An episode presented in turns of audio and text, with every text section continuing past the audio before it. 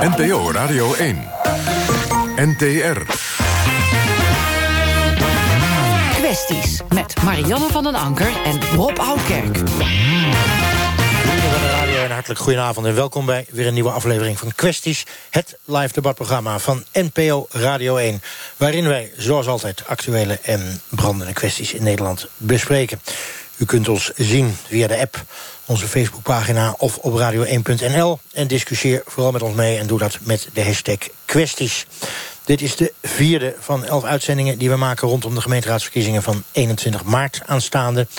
Uit recent onderzoek blijkt dat de leefbaarheid in de grootste 140 achterstandswijken, ja u hoort het goed, de laatste vijf jaar is afgenomen, ondanks talloze projecten en enorme hoeveelheden geld wat we er met z'n allen in pompen. En wat gaan de lokale politici doen om dat tij na de gemeenteraadsverkiezingen te keren? Of blijft het, zoals zo vaak bij verkiezingen, bij loze beloften? Wij reizen door het land. We waren vorige week op het Brabantse platteland. Ook een soort achterstandsgebied. We waren in Poelenburg in Zaanstad. We gaan nog naar Den Bosch, Deventer, Heerlen. Om daar vanuit probleembuurten, politici, burgers, hulpverleners... aan het woord te laten over de problemen... maar vooral ook over de oplossingen. En vanavond staan we in Rotterdam, in de achterstandswijk Delshaven... zo'n vijf minuten lopen van het Syrische restaurant Shami Huis... waar we net heerlijk gegeten hebben... bij een van de weinige statushouders in Rotterdam zonder een uitkering. Want let even op de getallen. 95% van de 2500 Rotterdamse statushouders... heeft een bijstandsuitkering. Hoe kan dat? Hoe komt dat? Maar vooral, wat gaan we eraan doen?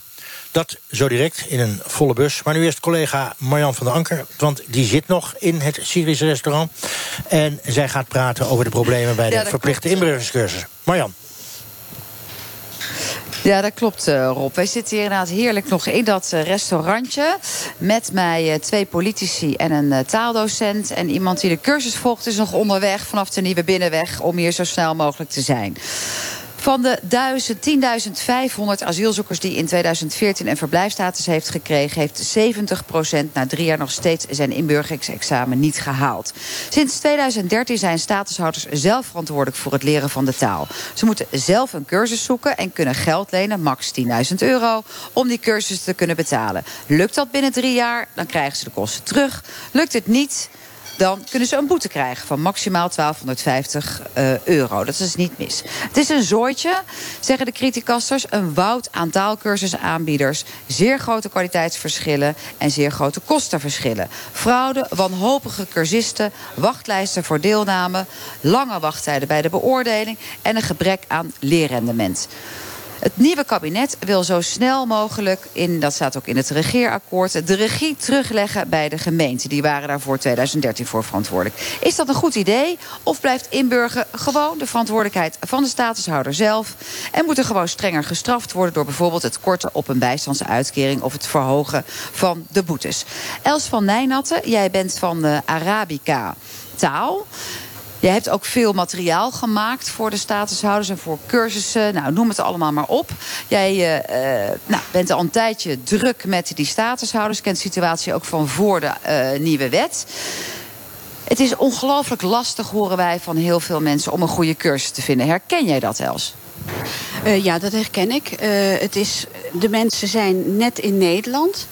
En ze moeten dus al een goede taalkursus gaan vinden. En, maar wat zijn de criteria? Waar moet een goede taalkursus aan voldoen? Dat is gewoon heel moeilijk voor de mensen om dat te bepalen en om iets te vinden daarin. En dan hebben ze eenmaal uiteindelijk iemand gevonden. En dan hebben ze het straks even hebben over de kostenverschillen. Want dat varieert ook van 7,50 per uur tot 19,50 per uur. En met of zonder laptops en iPads erbij. Eén grote walhalla voor uh, taalaanbieders lijkt het. En een ellende voor deze statushouders die cursus moeten volgen. We zeiden het net al, 70% haalt het niet in drie jaar. Wat is daarvoor de verklaring, Els van Nijnatten? Nou, een deel zit natuurlijk in het feit dat het een tijdje duurt. Hè. Sommige mensen zitten best wel een tijd in een AZC voordat ze kunnen beginnen. En dan is het natuurlijk ook nog zo dat als ze eenmaal beginnen... ze beginnen best wel op een laag niveau. Hè, uh, als je kijkt naar de mensen die hier komen voor gezinshereniging... die hebben al het niveau A1. Of zijn daar in ieder geval in de buurt. Uh, de statushouders die moeten echt van A0 af beginnen. En dat is een behoorlijk pittige aanpak. Nou heeft uh, premier Rutte altijd gezegd... Uh, toen er zoveel statushouders naar Nederland kwamen... en wij spraken van een vluchtelingencrisis en een vluchtelingenstroom... de mensen die komen zijn allemaal zeer hoog opgeleid. Dat verklaart natuurlijk niet dat 70% in drie jaar tijd... die zeer simpele cursus niet kan halen. Nou, naar mijn idee zijn de mensen uh, niet allemaal hoog opgeleid. En daarbij moeten we ook even in de gaten houden dat ook zijn ze hoog opgeleid, dat ze hoog opgeleid zijn in het Arabisch, een ander schrift. Uh, daarnaast zijn uh, de mensen uit Eritrea zijn ook opgeleid met een ander schrift. Dus ze moeten dat andere schrift leren. Er zijn weinig verwanten te noemen tussen Nederlands en Arabisch. Dus ja, dat is hoog opgeleid is heel leuk en aardig, maar uh, daar alleen ben je er niet mee. En daarnaast is het zo dat veel van de statushouders... die hebben toch nog wel een hoofd vol ellende. Ze zijn lichamelijk, fysiek zijn ze hier, maar hun familie is allemaal nog daar. En om goed tot studeren te komen, moet je ja, welbevinden hebben. Tim Versnel, jij wil voor de VVD in de gemeenteraad uh, komen. Nou, dat uh, vind jij zelf best positief te uitzien. Je staat op plek nummer 4. Um, ben jij geschokt door de resultaten? Vooral hier in Rotterdam. 70% haalt binnen die drie jaar het inburgeringsexamen niet. Ja, daar ben ik absoluut van geschrokken. En het is gewoon echt een onwijs probleem voor de stad. Um, zowel voor die mensen zelf, maar natuurlijk ook voor de stad als geheel. Ik bedoel, we zien hier elke dag nog de consequenties ervan... dat we decennia geleden te weinig eisen aan nieuwkomers hebben gesteld. En we moeten... U doelt op het P van de A-beleid. Exact. En uh, die fout die moeten we natuurlijk niet nog een keer maken. Dus ik vind als je ziet wat nu die cijfers zijn... dan moeten we heel goed kijken hoe we dat de komende jaren echt beter kunnen gaan doen. En wat mij betreft moeten we dan kijken zowel naar wat mensen willen... als naar wat mensen kunnen. En als het gaat om dat willen, vind ik dat we dus heel goed duidelijk moeten maken... dat het inburgeren is niet optioneel. Uh, die taalkursussen die moet je doen. Uh, je moet dat hele inburgeringstraject doen. En als je dat verwijtbaar niet doet, moeten daar dus ook consequenties aan kunnen zijn. Zoals het kort op je uitkering, maar bijvoorbeeld ook kan het consequenties hebben voor het verlengen van je verblijfsstatus. Oké, okay, zegt al meteen twee dingen die wat jou betreft uh, uh, op de rol van de statushouders uh, komen te liggen. Hogere boetes en eventueel misschien je verblijfsvergunning die niet verstrekt wordt. Nog meer wat je vanuit de VVD eigenlijk wil aandragen om tot een oplossing te komen? Ja, dit is dus de ene kant van de medaille, de kant van het willen. Je moet zorgen dat de motivatie op orde is. De andere kant is natuurlijk het kunnen. En we moeten daar ook gewoon eerlijk over zijn. Uh, wat die vluchtelingen of wat die statushouders kunnen, dat varieert enorm. Uh, dus daar is ook maatwerk nodig. Uh, het, het, is ook daadwerkelijk zo dat inderdaad er mensen zijn met PTSS of die analfabeet zijn. En die kunnen dat in een minder snel tempo doen dan anderen. Dan zoals bijvoorbeeld die vermeende apothekers die allemaal hierheen zijn gekomen. Ja, die vermeende apothekers, dat zeg je natuurlijk terecht... maar zowel Klaas Dijkhoff als premier Rutte, beide ook VVD'er... hebben het hele land laten weten dat het allemaal top of the bill was... wat hier ongeveer naartoe zou vluchten. Dus dan is het niet alleen maar zo dat jij er makkelijk mee weg kan komen... door te zeggen het zijn vermeende apothekers. Nou, ik kan me die uitspraken herinneren, maar niet van Dijkhoff en Rutte. Wat ik me van Dijkhoff en Rutte kan herinneren... is dat zij in het half jaar dat wij voorzitter waren van de Europese Unie... heel Europa zijn doorgereisd om te zorgen dat we met elkaar die deal met Turkije sloten... om juist die vluchtelingenstroom natuurlijk te stoppen van Europa weer naar Rotterdam. Niels Bernsen, jij uh, zit in een college, dus je bent verantwoordelijk voor het beleid wat de afgelopen jaren gevoerd is. 70% Rotterdam is echt van alle vier de grote steden het laagste en het slechtst presterende jongetje van de klas. En jij was daarbij, je was daarvoor verantwoordelijk. Hoe kan dat? Ja, nou ja, ik zit natuurlijk zelf niet in het college, maar in de raad. Dus ik toets het college. Is eigenlijk nog veel erger, zou je kunnen denken. Nee, ik, uh, volgens mij is de analyse is, is drieledig. Eén is dat we het uh, in Nederland niet heel goed geregeld hebben. Dus je begon er net ook al over. Hè, de regie is voor een deel teruggelegd bij de gemeentes. Of eigenlijk voor een deel weggehaald, moet ik zeggen. Die willen ze nu weer terugleggen vanuit het Rijk. Um, maar op het moment dat, er, dat je geen goede heldere afspraken hebt... over wie waarvoor verantwoordelijk is... dan valt vaak die verantwoordelijkheid tussen de verschillende partijen in. Dat is één. Twee is dat we ook inderdaad een woud hebben geschapen met elkaar... Um, vanuit een soort uitgangspunt dat mensen hun eigen verantwoordelijkheid direct kunnen nemen... op het moment dat ze een status hebben gekregen. Nou, ook dat blijkt uit allerlei wetenschappelijk onderzoek niet, uh, niet ja, dat uitgangspunt. Dat... Maar ligt het anders aan de taalaanbieders? Kunnen we zo direct ook even aan Els vragen. Maar er is een hele zwik aan partijen ontstaan die iedereen allemaal maar Nederlands willen leren. Voor flinke bedragen. Ja. Nou, dan is het voor mij heel belangrijk dat de intake op orde is. Dat je precies weet wat kan iemand, wat is zijn achtergrond, uh, welke opleiding heeft hij wellicht genoten, of is iemand nog analfabeet. En dat je dus een veel specifieker aanbod de, daar als gemeente de regie op voert... een veel specifieker aanbod en mensen een beetje de goede kant op helpt. Maar dat gebeurt niet. En kan je dat dan als statushouder zelf? Nee, dat denk ik dus niet. Dat blijkt dus ook uit allerlei onderzoek. Uh, deze maatschappij is totaal uh, vreemd voor mensen. En ze worden eigenlijk vanaf dag één worden ze verondersteld... om hun eigen verantwoordelijkheid voor 100% te nemen. Nou, een aantal kan dat, uh, maar een groot deel kan het niet. En dat zie je in de cijfers terug. Uh, nou, Tim Versnel, je hoort het al. Een verschil tussen uh, D66 zegt toch wel een beetje pamperen en bij de hand nemen. En wat zegt de VVD daarop? Nou, kijk, ik vind dit dusdanig belangrijk... dat we heel pragmatisch moeten kijken naar... wat moet er in alle gevallen gedaan worden? Wat moeten we doen? En het is absoluut zo dat voor sommige mensen... dit een totaal onoverzichtelijke, complexe samenleving is... waarbij ze wat hulp nodig hebben. Maar door de bank genomen begint en eindigt het toch ook gewoon... met de eigen verantwoordelijkheid van statushouders. Want je kunt mensen niet dwingen te integreren en in te burgeren. Dat moet in de eerste plaats ook echt uit henzelf komen. Dan hebben we het ook over de kosten van integreren. Um, en de boetes die daarbij komen. Want het lukt jullie in Rotterdam niet zo goed. En je zei natuurlijk al terecht, ik zit niet in het college... maar D66 zit natuurlijk wel samen met Leven Rotterdam en het CDA... in dat college verantwoordelijk is voor die slechte prestaties... van al die inburgeraars. Um, dan zijn er neem ik aan ook al flink wat boetes uitgedeeld in Rotterdam. Nee, want in dat stadium zijn we nog niet natuurlijk. Um, maar ik wil er toch nog even ingaan op uh, wat mijn collega van de VVD zojuist zei. Want er zit toch een soort uh, vooronderstelling achter... dat die mensen, het groot deel van die mensen het niet willen. Maar als ik met die mensen spreek, dan willen ze juist heel graag wel. Dus die motivatie is wel degelijk op orde. En dan helpt een boete natuurlijk ook niet. Wat wel helpt, is dat wij als samenleving durven te investeren in mensen. Dus inderdaad, als je kijkt naar bijvoorbeeld het verschil... tussen Amsterdam en Rotterdam... is dat Amsterdam veel massiever investeert in taal dan Rotterdam. En dat uit de cijfers blijkt dat te werken. We kunnen dat uh, ook vragen aan uh, Fijn dat je er bent. een van de mensen die een taalkursus volgt in Nederland is. U hoort wat gekraak en gepiep omdat we hier de stoelen bij in proberen te schrijven. Fijn dat je er bent. Uh, be beetje nog buiten adem. Hoe ben je hier naartoe gekomen? kunt u...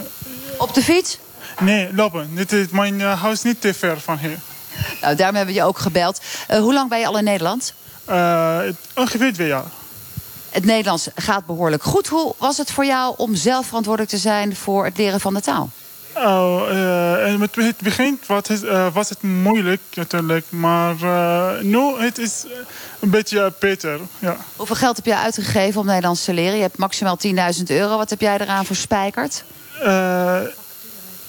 Facturen betaald? Ja, vier facturen heb ik nog, nog tot, tot nu toe heb ik. In totaal? Uh, 5000. Ja. 5000, oké. Okay. Dan heb je dus nog voor een jaar heb je nog 5000 aan budget over. En denk je dat je dat gaat halen? Ja, ik denk dat. Er zijn er heel veel mensen die het niet halen. Dus jij bent een uitzondering. Jouw mede-cursisten, waarom halen ze het niet in die drie jaar? Ik ben bezig nu met de examen. Ik heb uh, schrijfexamen uh, vorige week uh, hebben, gemaakt. En morgen heb ik spreken. Je kijkt er heel enthousiast bij, heel goed. Maar jij gaat het wel redden, denken we dan, in dat laatste jaar. Maar heel veel mede-cursisten niet. Waarom halen ze het niet? Mm, ik weet niet uh, waarom, maar misschien... Uh, dat uh, dat is, hangt af van de uh, niveau in, in, in, hun eigen land, van niveau uh, certificaat van hun eigen land. Misschien mensen die geen, school, geen naar school hebben gegaan, zijn gegaan, vinden dat moeilijk. Nou, wordt er ook gesuggereerd dat de taalkursussen gewoon niet goed zijn. Dus de juffen en meesters die die taalkursussen geven, die bakken er niks van. En die zorgen ervoor dat jullie veel te lang bezig zijn. Ja, ik, ik, weet niet wat moet ik. Ben, je, ja. ben jij zelf tevreden over de les die je krijgt? Ja, ik ben tevreden. Mijn school is heel goed. Mijn docent is, heeft, heeft uh, veel ervaring, dat is uh, heel goed. Heb je misschien ook wel geluk bij, dat je het gaat redden nog dat komende jaar. Wij gaan uh, even toe naar de mensen in Rotterdam. We hadden het natuurlijk net al over het korten op een uitkering... als je het niet haalt in die drie jaar tijd. De maximale boete is 1250. Worden Tim Versnel net al zegt vanuit de VVD... mag wat ons betreft best hoger de komende periode. Zeker als hij ook in de gemeenteraad gaat komen. Maar wij hebben gevraagd aan de mensen in Rotterdam... of het mensen kan prikkelen vanuit die boete... om toch zelf de Nederlandse taal te gaan leren. Ik zie het dus zo. Iemand die hier wil blijven, moet de taal leren. Als hij hier in de buurt loopt, of je aan een Rotterdam ziekenhuis hier in de buurt. Als opa of oma naar het ziekenhuis moet, dan moet een kleinkind mee. Want ze spreken nog steeds geen woord Nederlands. Ze zijn 40 jaar hier. Hoe moet je daarmee? En dan zeg ik gewoon ze plat Rotterdams. Wegwezen. Nee, ik vind de taal verplicht. Ik vind het, je komt hier wonen. Ik heb zelf in het Midden-Oosten gewoond en ik heb ook uh, Arabisch geleerd om daar de mensen aan te spreken. En dan accepteren je mensen je ook veel beter. Als jij, als, als jij aan ons laat zien dat jij moeite doet... dat je ook graag in dit land wil wonen, dan moet je integreren. Is ook de taal, de cultuur leren kennen, in interesse tonen. En respect hebben voor elkaar. En ik denk op die manier dat dat, uh, dat, dat werkt. Juist door de taal leer je dan met mensen communiceren. Ik denk dat uh, als het gaat om de bijstandsuitkering... vind ik dat mensen die hier sowieso zijn er recht op hebben. Uh, dat ze er wat terug van moeten doen, ook duidelijk. Uh, wil je niks terug doen, moet je niks krijgen. Iets voor niets bestaat niet. Stel je maar eens voor dat wij ergens anders zouden zijn, of ergens anders zouden gaan... omdat Rotterdam plat gebombardeerd is. En je wordt toch ergens opgevangen. Ik denk dat de meeste mensen die hier komen... ze zeggen wel eens die komen om economische reden. Dat is logisch. Als je het ergens niet goed hebt, ga je ergens heen waar je het wel goed kan krijgen. En als je er dan in het begin wat voor wil doen, helemaal goed. Tim, van jou weten we al dat jij uh, uh, eigenlijk bent voor extra boetes als het niet lukt. Waarom eigenlijk? Want ja, je hoort net dat het uh, best ingewikkeld is voor mensen die een Arabische achtergrond hebben en allemaal PTSS hebben. Ja.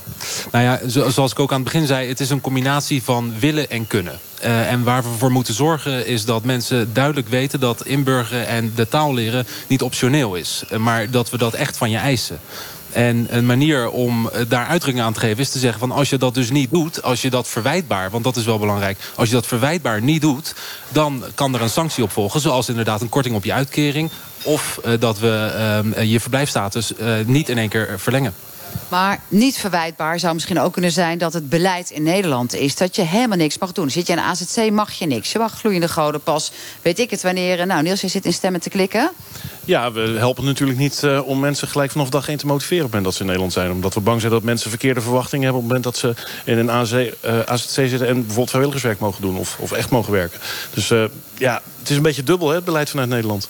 Dan gaan we nog heel even kort hebben over die taalaanbieders. Want uh, we zeiden het al, de tarieven verschillen. Het zijn er 228. Duo geeft de uh, lening uit van Max 10.000 Die controleren nergens op. Je krijgt er iPads bij. Het is één groot uh, doolhof voor de mensen die binnenkomen. Die websites zijn ook nog eens allemaal in het Nederlands.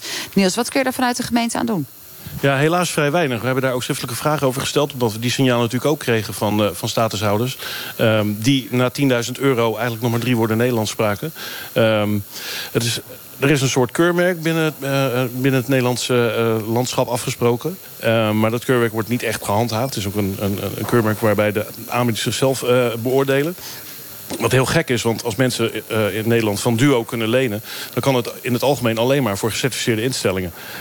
En helaas zijn deze mensen in die zin aan de goden overgeleverd. Dus het zijn de mensen die al de grootste afstand tot de Nederlandse uh, regels, spelregels hebben. En die worden ook nog eens eigenlijk uh, uh, in het diepe gegooid. en ik denk dat daar dus veel meer regie op gevoerd zou moeten worden. Een van de cursusaanbieders is uh, Ad Appel uit Aardenhout. Hij zit dit bij ons in de uitzending. Wij hebben Els van Nijnat. Die zegt stop met het subsidiëren van die dure en zinloze inburgeringscursussen. Want hij ziet dat er een enorme perverse prikkel uitgaat. Dus hij zegt laten we het kaf van het koren scheiden. Is dat ook iets, Tim Versnel vanuit de VVD, waar jullie voor zijn? Ja, zeker. Ik, bedoel, wij zien ook dat er de afgelopen jaren echt een enorme wildgroei is geweest aan, uh, aan inburgeringsbureaus en ook taalbureaus. Uh, en het grote probleem is dat er niet goed een soort van onderwijsinspectie is die daar ook de kwaliteit controleert. En die mensen zijn daar natuurlijk extreem van afhankelijk. Dus het is ook belangrijk, dat, dat is dan onze kant natuurlijk van de medaille, dat we zorgen dat dat echt op orde is. En dat het nieuwe kabinet ermee aan de slag gaat, dat juichen wij dus ook vanuit Rotterdam van harte toe, want het is ongelooflijk nodig. Nou, heb je al gezegd, de eigen verantwoordelijkheid bij staatshouders... die moet wat ons betreft vanuit de VVD blijven. Nou, ik denk dat we hier een voorbeeld hebben van iemand die het ge gelukt is... om dat voor elkaar te krijgen. Worden Els van Nijnatten ook van jou in het begin van deze uitzending van kwesties... dat het hartstikke lastig is. Hoe kunnen we ervoor zorgen dat al die taalaanbieders ook gaan doen wat ze moeten doen? Namelijk binnen drie jaar zorgen dat iedereen gewoon Nederlands leert. Dat vind ik om heel eerlijk te zijn een hele moeilijke vraag. Maar ik denk dat het... Uh dat er best wel iets voor te zeggen is om het toch weer een beetje in de handen van de, de gemeente te leggen. Uh, niet alles, want ik ben een beetje bang dat als het in de handen van de gemeente komt, dat het met aanbestedingen komt. En dat we dan gaan praten over uh, een prijskaartje. Want. Uh, de grotere die goedkoper zouden kunnen werken... zijn niet per definitie de betere school, taalaanbieders. Op jullie website ben ik ook nog eventjes op uh, gaan snorren vandaag. Zag ik het tarief ook niet staan. Wat vragen jullie per uur? Uh, het uurtarief weet ik niet precies. Wij uh, vragen de 1250 euro voor uh, drie maanden. Daarvoor krijgen de mensen 9 uur per week les. Dus wij komen ongeveer uit tussen de 10 en de 11 euro per uur. En is het ook zo, dat hoorden wij in de voorbereiding op deze uitzending... dat heel veel staatshouders, omdat ze ook al worden gepositioneerd op plekken... waar alleen maar staatshouders zitten of mensen die ook al niet zo goed Nederlands spreken... dat ze eigenlijk alleen maar hun docent zien die Nederlands spreekt. En voor de rest van de week spreken ze helemaal geen Nederlands. Herken je dat? Ja, dat herken ik zeker. En dat is ook eh, waar ik de cursisten vaak over hoor klagen. Van oké, ik spreek hier Nederlands, maar op straat, uh, het, het, lukt niet. Ik stuurde in het verleden, stuurde ik mensen ook vaak met een enquêteformuliertje op straat. Van uh, ga maar met mensen praten. Maar dat is toch, met name hier in Rotterdam, een beetje moeilijk. Het lukt de mensen niet zo goed om aan de praat te komen. Wat valt de vluchteling zelf nog te verwijten... als jij ze in alle strengheid mag toespreken, Els van Nijnatten? Als ik ze in alle strengheid toe mag spreken... Eh, dan zou ik heel graag willen dat ze uh, Nederlands zoeken. En zoeken, dan bedoel ik radio, televisie. Er is heel veel Nederlands te vinden. En toch proberen om over die drempel te stappen. Want het is ook best moeilijk om een, een, een wilde Nederlander aan te spreken. Zomaar buiten. Die, hè, maar ik denk dat ze dat toch moeten proberen om dat te zoeken. Maar tegelijkertijd moet ik ook eerlijk bekennen... er zijn heel veel uh, statushouders die vragen... geef mij een taalcoach. Ik begrijp het. We gaan het nog even vragen aan degene die uh, twee jaar in Nederland is... en ook in ieder geval al een paar examens heeft gehaald. Um, er wordt gezegd dat veel statushouders te weinig Nederlanders zien... te weinig Nederlands zoeken, te weinig optrekken met andere Nederlanders... maar in hun eigen groep zitten. Herken jij dat? Uh, ja... Uh...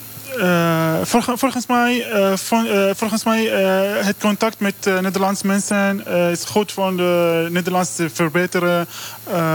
ook programma, Nederlandse programma's, heel, heel belangrijk om te volgen. Ja. Spreek jij buiten jouw taallessen om bij Els van Nijnatten nog mensen in het Nederlands gedurende de rest van de week? Mm, nee, nee. Uh, ja, uh, ik denk uh, mensen spreken Nederlands alleen op school. Dat is natuurlijk wel echt een slechte zaak. En dat in Rotterdam. Maar waarbij trouwens ook nog wel, wel eens wordt gezegd... Niels Bernsen, dat er in Rotterdam nauwelijks meer Nederlands te horen is... in sommige plekken. Ja, dat is altijd een beetje, een beetje overtrokken natuurlijk. Um, kijk, het, het is voor mij een heel terecht punt. En dat, hebben we, dat proberen we in ieder geval ook met de Rotterdamse aanpak wel degelijk. Is om um, de mensen die in Rotterdam een status hebben gekregen... om die zich zo snel mogelijk Rotterdammer te laten voelen. Dus ook met uh, andere Rotterdammers in aanraking te komen. Er zijn heel veel vrijwilligersprojecten uh, uh, die daarop gericht zijn. Ook de professionele aanbieders zijn daar in sommige aspecten op gericht. Maar het lukt nog onvoldoende, denk ik. Het lukt nog onvoldoende. Nou, dat blijkt ook wel uit de cijfers. 70% haalt in Rotterdam het inburgeringsexamen niet. Waar drie jaar voor staat en waar 10.000 euro voor geleend kan worden. Wat je terugkrijgt. Wij danken Tim Versnel. Succes. Vierde kandidaats, uh, vierde plek kandidaats uh, raadslid voor de VVD. Els van Nijnatten van Arabica Taal. Niels Bernsen van D66, gemeenteraadslid. En je mag zelf je eigen naam zeggen op de radio. Faisa. en Faisa, dank jullie wel. Vanuit het Sjamihuis. Rob, terug naar jou. Dankjewel Marianne. U luistert naar het programma Kwesties. We gaan het hebben over vluchtelingen in de bijstand. U hoorde net van uh, Marianne, het gaat niet lekker met de inburgeringsexamens. En dat heeft natuurlijk weer enorme invloed op de kansen voor een baan van statushouders. Ik zei het al aan het begin van deze uitzending. 95% van de 2500 Rotterdamse statushouders heeft een bijstandsuitkering komt niet aan het werk. En het raar is dat Rotterdam, de stad van geen woorden maar daden... het slechter doet dan de andere drie grote steden. Uh, veel strikter dan bijvoorbeeld Amsterdam. Daar worden statushouders gescreend op vooropleiding... en de hoger opgeleiden mogen vervolgens een opleiding gaan doen... met behoud van uitkering. Maar in Rotterdam doen ze niet aan een afwijkend beleid voor statushouders. Iedereen met een uitkering heeft ook een sollicitatieplicht... en een opleiding mag niet. Klaar. Onderneemster Annemarie van Gaal, die in de Telegraaf vaak uh, columns schrijft... die zei onlangs, moeten we statushouders niet gewoon verplichten... te huisvesten in regio's als Westland of Zeeland... waar gewoon wel veel vacatures zijn, zodat ze meteen aan de slag kunnen. Is dat een goed idee? Of is het wellicht tijd voor radicaal andere koersen? We gaan het hier in de bus hebben met vijf mensen daarover. Eerst de Syrische statushouder Aus Haider. Sinds 2014 hier in Nederland. Hoeveel uur per week werk jij? Um, 27 uur per week. 22 uur per week. En hoeveel tijd hou je dan over om te studeren?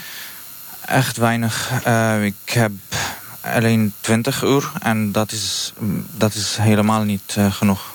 En zo'n studie richten, 20 uur red je dus niet? Daar heb je 30, 40 nee, uur voor nodig? Ik, ik, ik, kon, ik kon tot nu toe uh, geen tentamens doen... vanwege de drukte van, van het werk. Dus, en, je, dus je zou eigenlijk een uitkering moeten hebben... of in ieder geval voor een deel... om te zorgen dat je die studie af kan maken? Ja, tuurlijk. Ik, ik moet eigenlijk 36 uur per week beschikbaar zijn... om de uitkering te krijgen... En, en, voor, voor, en om te zoeken voor een fabriekswerk en, of, of al, alle soorten werken.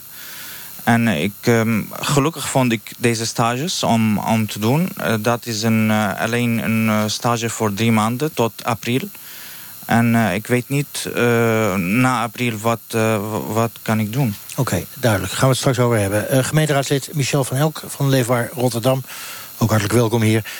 In het college met 14 zetels. Uh, met andere woorden, verantwoordelijk voor die nare getallen. Want volgens mij is het wettelijke plicht. Je moet uh, al die statushouders begeleiden. Dan heb je er 2500 en dan zijn er 125 aan het werk. Dus 2375 niet. Dat kan toch niet? Ja, sterker nog, er zijn er maar vier aan het, aan het werk. Dus dat zijn inderdaad echt schokkende aantallen... waarvan de ene naast me zit. Dus hartstikke goed dat jullie de een gevonden hebben in die speld in de, in de Hooiberg. Maar ik vind het wel belangrijk om even terug te gaan naar, naar twee jaar geleden. En toen was het zo dat uh, deze asielzoekers een verrijking zouden zijn voor Nederland. Hè? Dat het allemaal apothekers en tandartsen waren. hoog opgeleid. En dat bij burgemeester Abu Talib zich diverse werkgevers gemeld hadden waar zoveel asielzoekers aan de slag uh, konden. En dat bleek niet te kloppen. En dat bleek dus niet te kloppen. Maar dat is natuurlijk wel het beïnvloeden van de publieke opinie geweest... door uh, politieke partijen. Ik hoorde de VVD daar net over praten. Partij van de Arbeid zit hier ook. Idem, uh, idem dito.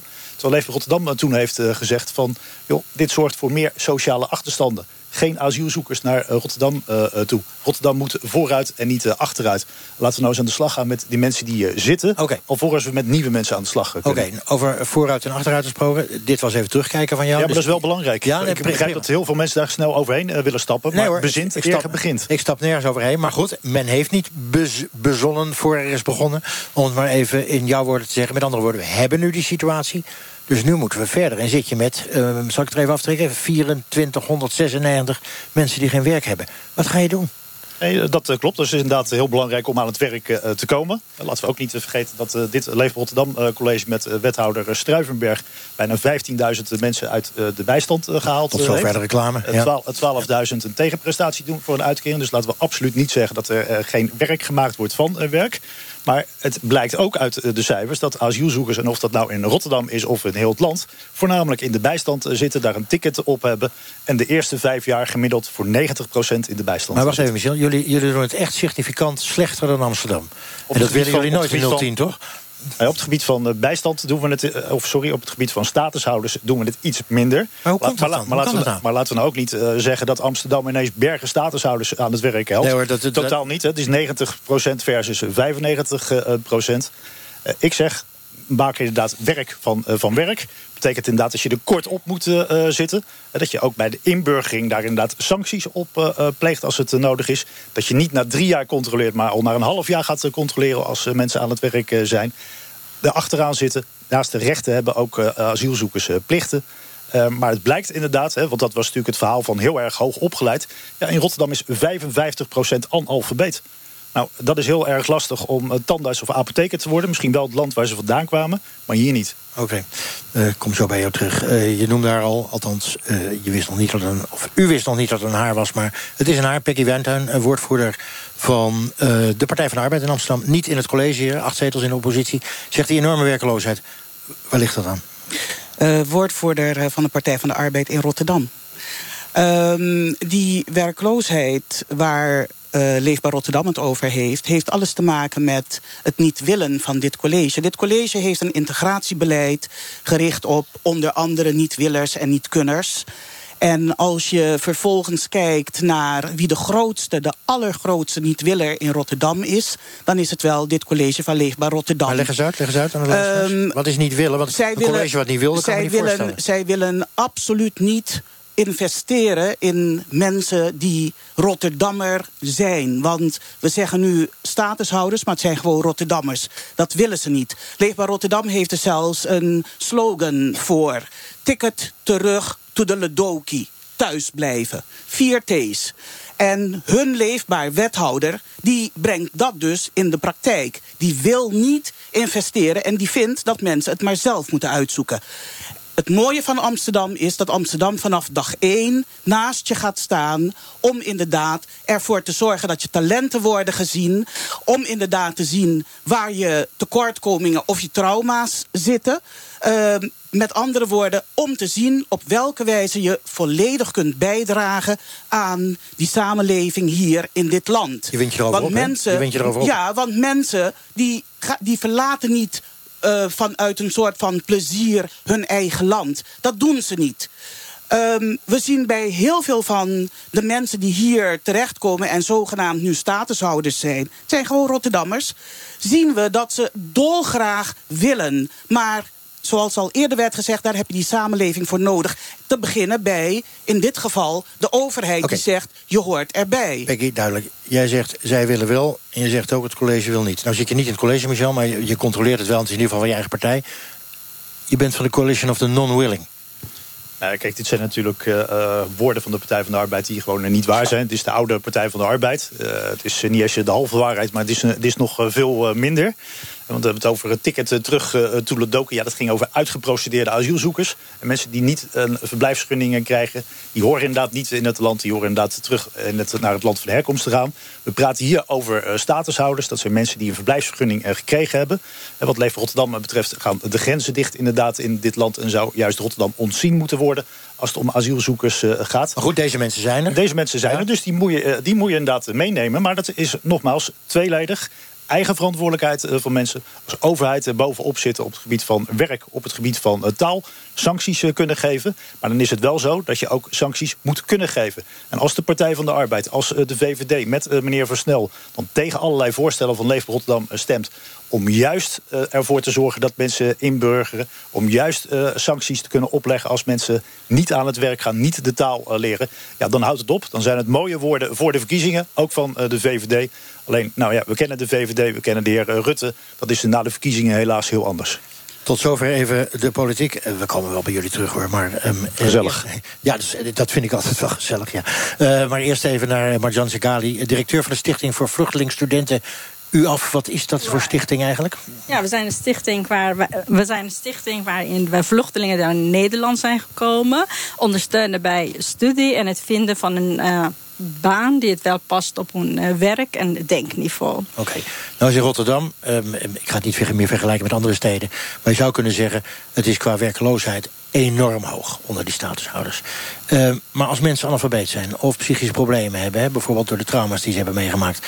moet je dan niet eh, eigenlijk gewoon zeggen... luister eens, eh, we gaan niet meer pushen achter al dat betaalde werk... maar ga maar vrijwilligerswerk doen? Nou, we hebben denk ik eh, verschillende categorieën. Er zijn genoeg mensen die wel in staat zijn om de taal te leren. En ook daarbij ook gewoon een bijdrage leveren aan de Nederlandse of Rotterdamse samenleving. Mensen zoeken het ook naar veiligheid, eh, perspectief. Dus ze willen het ook heel graag eh, nou, bijdragen en economisch zelfredzaam zijn. En er zijn vast mensen die het gewoon inderdaad een traumatische ervaring hebben opgelopen. Of dat ze het absoluut niet de taal of kennis hebben van het land van de herkomst die niet verder kunnen. Dus ik denk dat je het ook heel erg maat moet, eh, werk moet leveren. En daar heeft het ook bijvoorbeeld, en jullie hebben ook allemaal aan gerefereerd, Amsterdam heeft er ook een goed voorbeeld aan gegeven. Zou je zeggen dat, het gaat me even niet om vergelijking Amsterdam-Rotterdam... dat ligt altijd gevoelig, maar dat andere steden meer maatwerk leveren dan Rotterdam? Is dat... Eh, nou, eh, eh, er zijn inderdaad steden die wel wat meer eh, maatwerk leveren. En het is ook inderdaad het, het nare van het gemeentelijke beleid... dat elke gemeente eigen beleid heeft. Je zou In meer voor landelijk beleid zijn. Ik zou het wel meer willen bijvoorbeeld te studeren met de behoud van een uitkering. En dat gaat het wel om in- investeren in talent en kennis. Wat meer voor het, elke nieuwe Nederlander is. Nu is is het wel in de ene gemeente mogelijk, in de andere gemeente niet mogelijk. En als ik het heel even bijvoorbeeld kijk naar, zeker naar de Rotterdamse eh, situatie. Uh, het wordt nu uh, ja, gesuggereerd alsof dat het hier geen vacatures zijn. Er zijn er genoeg werkgelegenheid mogelijkheden hier. Kijk maar even. kijk maar even naar de zorg bijvoorbeeld. Dus het gaat er wel van. Hoe kan je het wel zorgen dat het, nou, de groep nieuwe Nederlanders die naar Rotterdam zijn gekomen op een goede manier kan begeleiden en, en verbinden aan eh, bedrijven en sectoren waar ook werkgelegenheid voor is. En daar heeft het ook Rotterdam goed voorbeeld ook aan gegeven. Dus het is niet zo dat Rotterdam niks doet. Ik ga gelukkig niet over politiek. En politieke opwindingen laat ik aan anderen over. Maar uh, investeer je het wel in uh, investeren, ondersteunen en faciliteren, dat leidt het wel uiteindelijk tot de juiste match. Oké, duidelijk. Even naar Oost nog. Geen bedoel, het lukt je dus niet om die studie in de tijd die daarvoor staat te doen, omdat je er gewoon tegenaan moet werken. Um, als ik naar Michel, want die zit twee stoelen van je daan, vraag: luister eens, waarom mag hij eigenlijk niet studeren met uh, behoud van uitkering? Ik probeer het even. Hij wordt dan uh, advocaat, heb in het kortst mogelijk keren. Buitengewoon waardevol voor de Nederlandse samenleving, verdient zichzelf terug. Toch? Nou, Leef Rotterdam vindt het belangrijk hè, dat mensen die de bijstand uh, zitten, of dat de Rotterdammer is of de statushouders, dat die gelijk behandeld uh, wordt. En dat er maatwerk geleverd wordt, zowel voor de Rotterdammer als inderdaad voor de statushouder. Dat gebeurt ook. Hè. 10% van de mensen in de bijstand heeft vaak aanvullende gelegenheden om iets te doen. Er zitten statushouders ook tussen. Dus daar moet gewoon per situatie naar gekeken worden. Maar ik wil niet hebben dat alle statushouders die hier naartoe zijn gekomen... waarvan iedereen zei dat ze zo hoog opgeleid waren ineens aan, het, uh, aan een uh, opleiding uh, krijgen.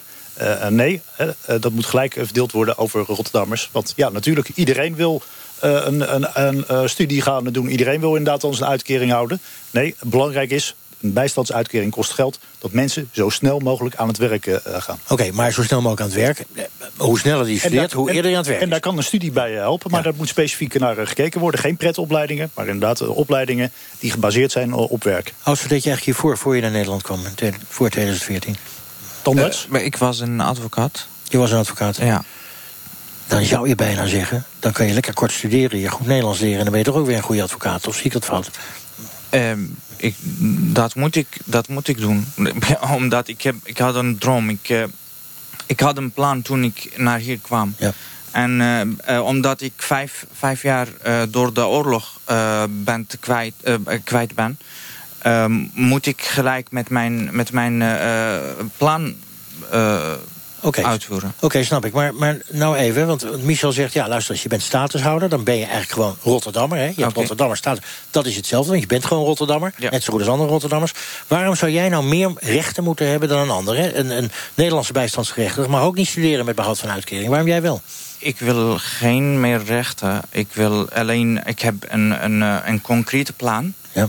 om iets te worden. Oké, okay, en dat plan... En, en, en, en, en, dat plan, als iemand een plan heeft, een, een concreet plan heeft... dan uh, moet hij de, of zij de, de, de kans hebben. En je vindt hebben. dat je daar gewoon individueel in begeleid moet worden? Ja, Zoals Martjan al zei, eigenlijk gewoon individueel kijken. Individueel kijken. En het is wel even gewoon van of je apotheker bent, of je ingenieur bent, of je rechter bent. Je komt naar Nederland en je wilt het heel graag op een niveau gewoon hier aan het werk. Dat kan niet. Dus het is wel een systeem zoals we het wel in Nederland met elkaar hebben. Dus het wordt niet erkend en het wordt van je verwacht en verlangd dat je het weer inderdaad de opleiding opnieuw doet. En dat is ook wat we altijd zeggen. Zorg dat het wel een verkorte traject komt waarin iemand zo snel mogelijk weer aan het werk kan. Oké, duidelijk. Even naar Peggy Ween van die voormalige Partij van de Arbeid. Um, althans, volgens je collega tegenover je. Um, daar zal jij ongetwijfeld anders over denken. Maar, maar luister, een statushouder is een Rotterdammer. Dus een statushouder moet dan niet voorrang krijgen op andere Rotterdammers? Of, of zeg ik dat fout? Op het moment dat je uh, als overheid, uh, in dit geval het Leefbaar College, heeft zelf geconstateerd dat er sprake is van urgentie. Uh, ten aanzien van uh, de verschillende groepen die uh, onder de noemer statushouders zitten. Dat daar een gigantisch groot probleem is. Je hebt het zelf al bij je intro gemeld. Dan kan het niet anders dan dat je ervoor zorgt dat degenen die het verst achteraan de streep staan, zo dicht mogelijk bij de streep ook komen. Je zult dus een ambitie moeten formuleren om inderdaad te zeggen dat je iets met die groepen wil. Dat zien ze in andere steden wel. Dat wil dit ja, Leefbaar College dus duidelijk niet. Die, heeft, die wil die ambitie niet. En als ik nou een Rotterdammer, ik ben toevallig Amsterdammer, maar als ik nou Rotterdammer was, ik zou denken, ja, um, al die statushouders die mogen uh, lekker studeren te, um, en uh, daar is het allemaal veel beter voor geregeld voor mij. En ik uh, mag allemaal niet wat zij mogen. Kan je daar iets bij voorstellen? Rotterdam heeft de verantwoordelijkheid. Gemeenten hebben een taakstelling gekregen, die hebben een opdracht gekregen ten aanzien van deze groepen. En die moeten ze gewoon pakken. Andere steden doen dat. En Rotterdam die gooit het liever over de schutting. Nee, wij hebben de verantwoordelijkheid ook, de zorgplicht ook ten aanzien van deze uh, groep.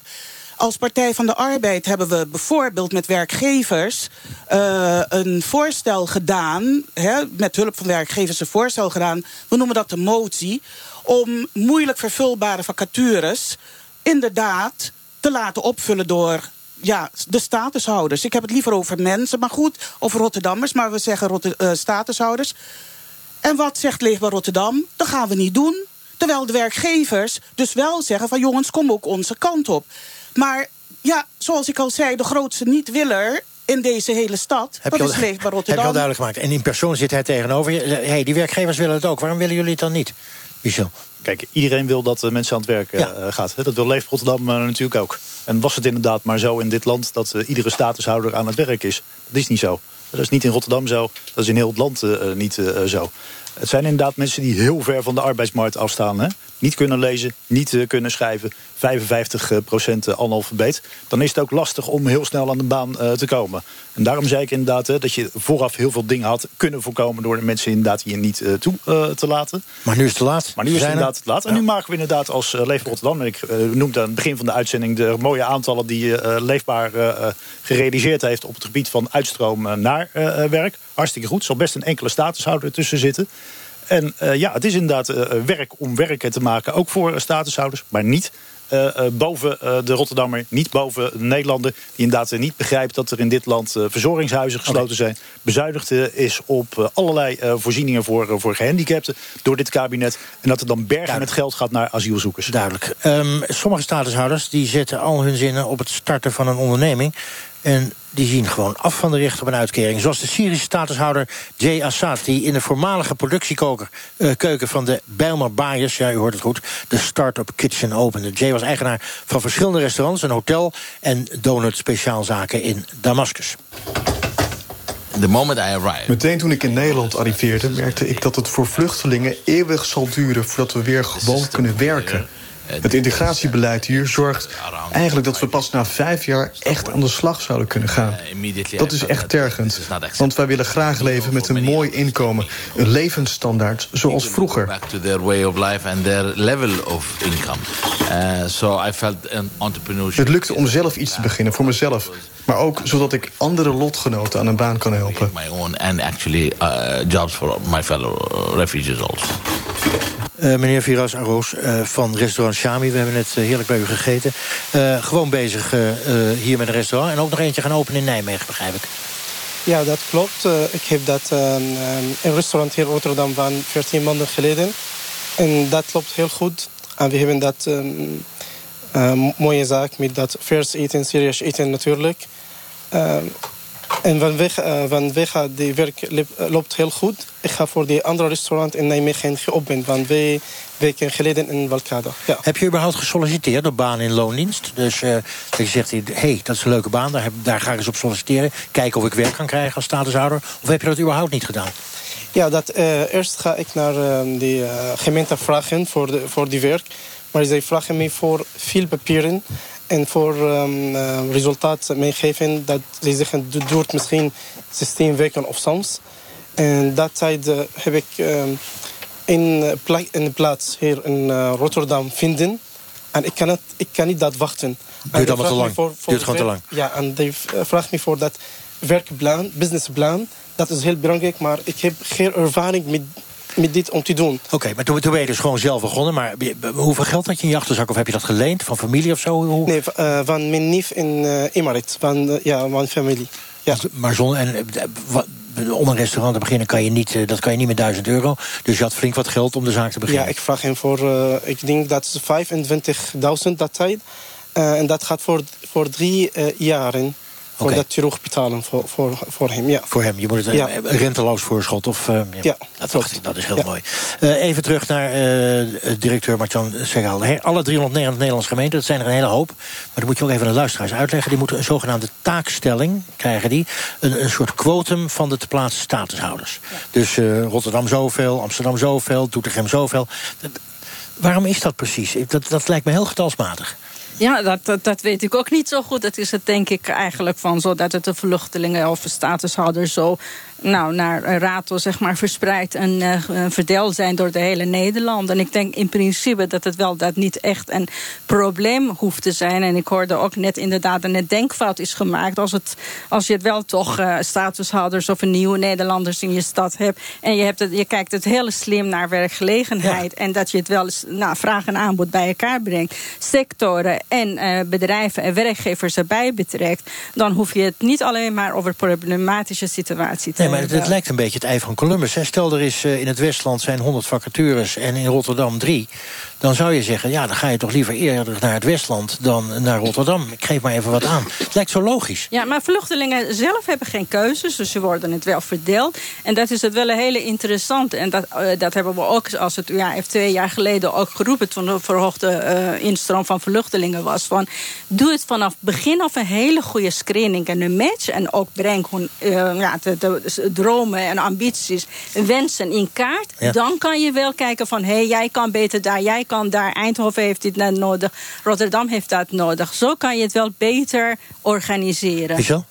Ja, in december 2014 heeft eh, Leef Rotterdam dat voorstel gedaan... Hè, om eh, huisvesting van eh, statushouders eh, te baseren... op basis van eh, draagkracht van een stad of een dorp. En nu is dat een hele domme regel... waarbij gewoon het inwonersaantal leidend is. Nou, je moet natuurlijk gewoon kijken naar, hè, ik noem maar even wat... werkloosheidscijfers, mate van eh, integratie... hoeveel kwetsbare personen als eh, eh, drugsverslaafden, et cetera, et cetera... uitstroom uit detentie... Kijk naar een stad of een dorp en kijk dan, als je toch asielzoekers wil toelaten... wat Leef Rotterdam betreft is dat dus niet... maar kijk inderdaad waar het dan wel kan. En Rotterdam is wat dat betreft echt de laatste plaats... om asielzoekers en statushouders te huisvesten. Rotterdam moet ontzien worden. Rotterdam moet ontzien worden. Het klinkt alsof jullie heel zielig zijn hier. Dat is Ja. nou weer niet zo natuurlijk. Eh, Peggy eh, eh, Wijntuin, ehm, dit klinkt Rotterdam, niet zo... Rotterdam moet gewoon haar verantwoordelijkheid eh, pakken. Prima, maar het klinkt toch helemaal niet zo onlogisch... dat je zegt van luister eens, daar is veel werk, daar is minder werk. Dus laten we eens een beetje anders naar die verdeling kijken. Dat is een discussie die eh, op landelijk niveau eh, plaatsvindt. Op het moment dat de uitwerking is dat je als gemeente een taak hebt in deze, dan kan het niet anders dan dat je je verantwoordelijkheid oppakt. En dat is wat, dit, nogmaals, dit Leefbaar College dus stelselmatig op dit terrein laat liggen. We naderen de verkiezingen. U hoort het, eh, luisteraars. Het is bijna onvermijdelijk de PvdA tegenover Leefbaar Rotterdam. En u kunt uw stem uitbrengen op 21 maart, zou ik bijna gaan zeggen. Maar voor we dat doen, eh, vroegen wij de Rotterdammers op straat... wat zij eigenlijk vinden van het feit dat er beter kan worden gehuisvest... in regio's waar veel vacatures zijn. Weet je hoeveel Nederlanders aan, eh, aan zonder werk zitten? Die ook willen. Is, is er niet? Kijk, nou, Blokken is, gaat failliet. Weet je, dat kijkshop 400 zoveel mensen. We moeten, die moet ook een nieuwe baan hebben. En dan moet je dan iemand neerzetten die de Nederlandse taal niet spreekt. Dat gaat dan niet. Ja. Ja. Dus, stuur ze maar lekker terug.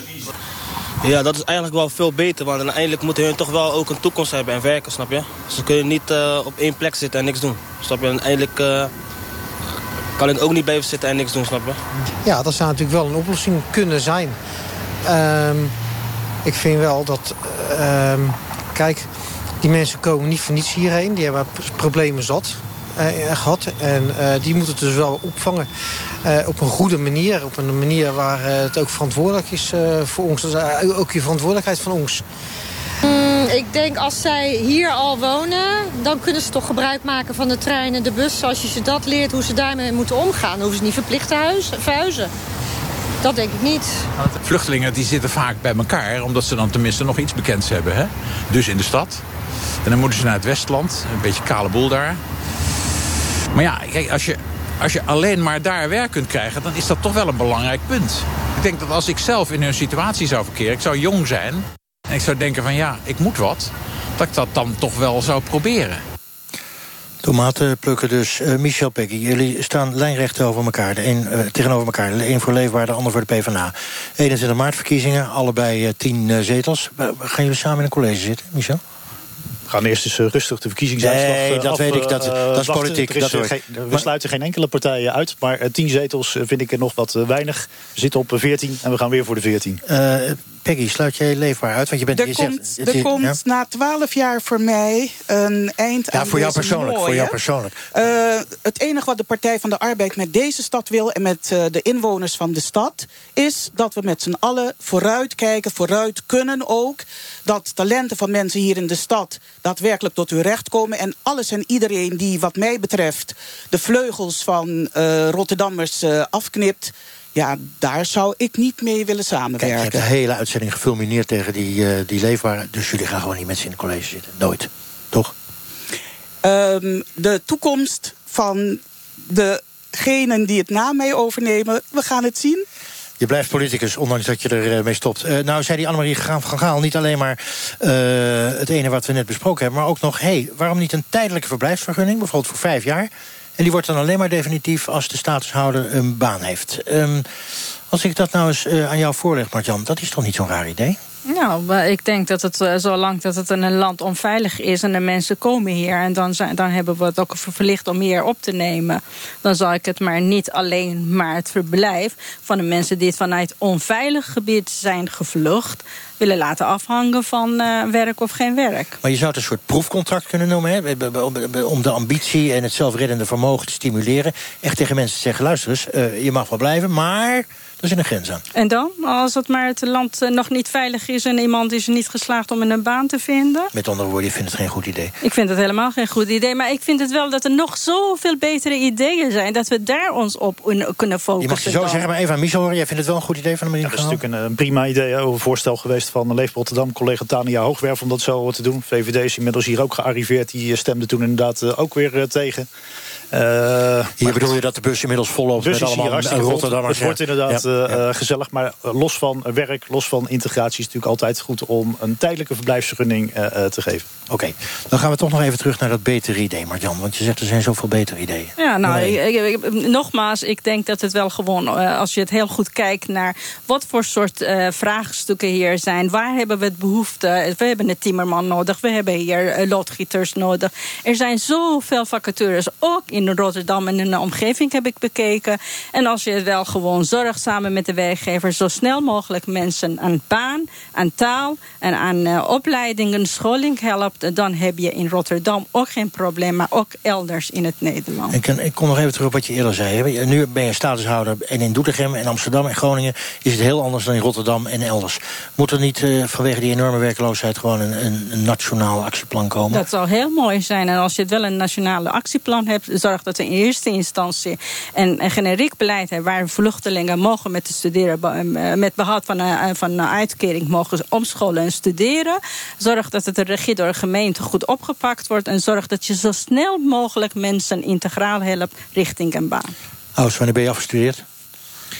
Ehm, ik, ik weet niet, dat is afhankelijk van, eh, van, van de tijd, dat, eh, van de prestatie. En ik kan- niet eh, dat doen. Maar het zou wel makkelijk zijn als je een halve uitkering kreeg... dan ging het allemaal sneller. Ja, tuurlijk. En dan zit je hier vanavond in de bus met Michel. Is dat dan niet een goed idee om gewoon per individu te kijken? Ik vraag het jij weer heel kort. Het klinkt toch zo logisch? Ik probeer het toch nog maar één keer bij. Nee, maar ik eh, zeg ook niet dat er niet naar maatwerk gekeken moet worden. Ik zeg alleen dat hè, de gelijkheid moet zijn tussen de Rotterdammer en eh, de statushouder. Geen eh, eh, privileges voor een statushouder. Zeker niet. Duidelijk, dit was voor deze eh, zondagavond kwesties. Volgende week zijn we weer op een plek waar het... nou ja, misschien wel deugt, maar niet helemaal loopt... zoals wij met z'n allen zouden willen. We zijn ook benieuwd naar uw mening, dus discussieer met ons mee... op Twitter met de hashtag kwesties of kijk op onze Facebookpagina. Zometeen Radio Doc over de streektaal van het Friese Bils. Ik kende hem niet, maar journalist Gerard de Jong heeft zich voorgenomen... goed voor die taal te zorgen na het overlijden van zijn opa. Maar wil iedereen die taal wel behouden? Ik wens u allemaal een prachtige zondagavond. NPO Radio 1. Gaat er nog openheid van zaken geven? Nou, dat heb ik zojuist gedaan. Wat vond u daarvan eigenlijk? Waarvan? Van zijn uitspraken. Nou ja, de vraag stellen is een beantwoorden. Ik, ik zou er onmogelijk trots op kunnen zijn. De vragen bij het nieuws. Hoe voelt dat? ik vind dat eh, eigenlijk niet een, een hele relevante vraag. Dat ga je nog niet verklappen. Wij gaan in ieder geval de discussie aan en je kunt bij ons altijd veilig discussiëren. Aha. Jullie kennen elkaar volgens mij goed, hè? Zeker. Ja, we kennen elkaar uitstekend. We hebben een goede band. En wisselen jullie dan ook boeken uit?